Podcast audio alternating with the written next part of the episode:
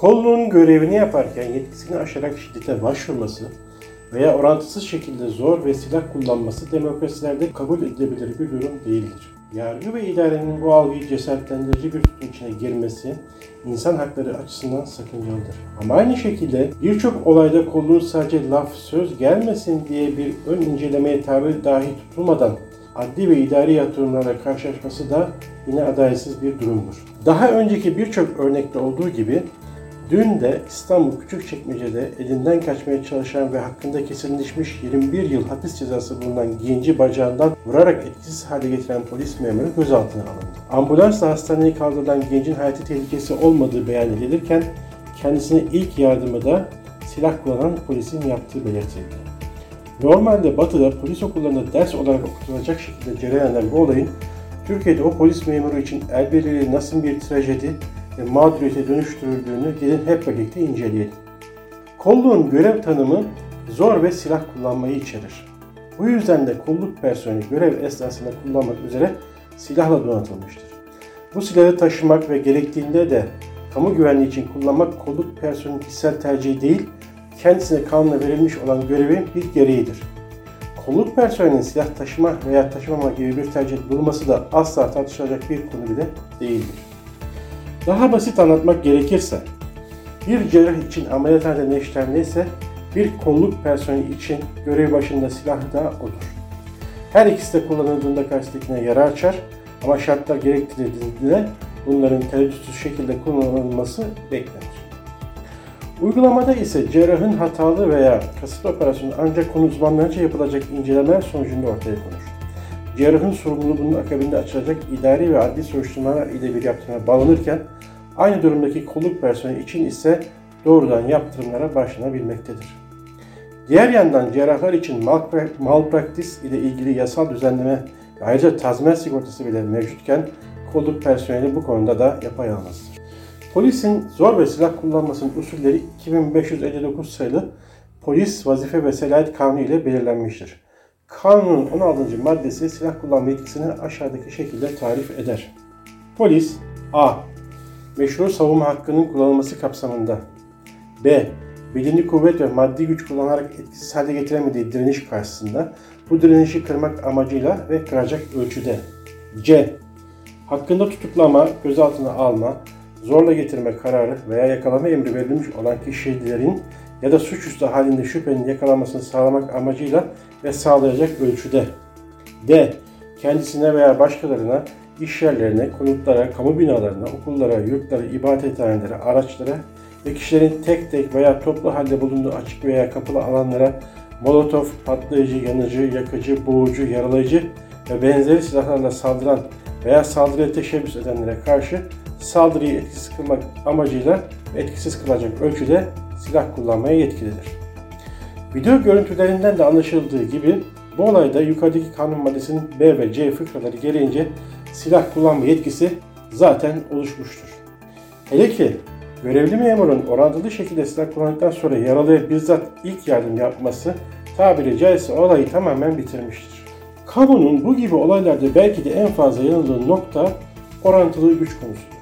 Kamuoyundaki genel kanaat eğer elinde bir silah yoksa o kişiye ateş edilemeyeceği yönündedir.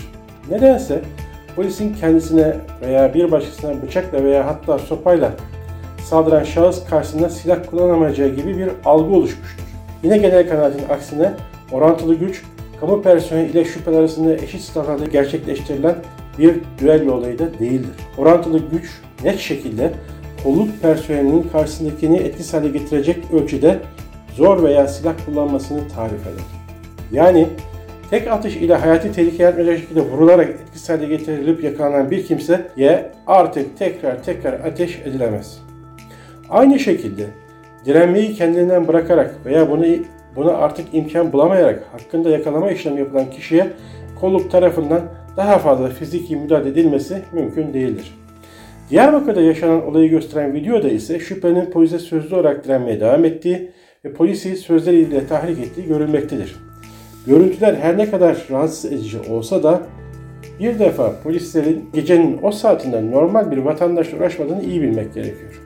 O vatandaşın da kolluk personeli olduğu gün gibi aşikar kişilerin talimatlarına uyması gerektiği gerçeği de göz ardı edilmemelidir.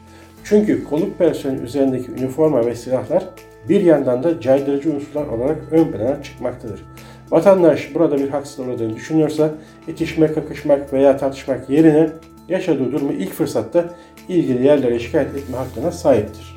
Eğer bizim görmediğimiz şekilde bir devamı yoksa bu olayın yakalama esnasında yaşanan bir arbede mi yoksa orantısız güç olayı mı olduğunu açıkçası bir tartışma konusudur.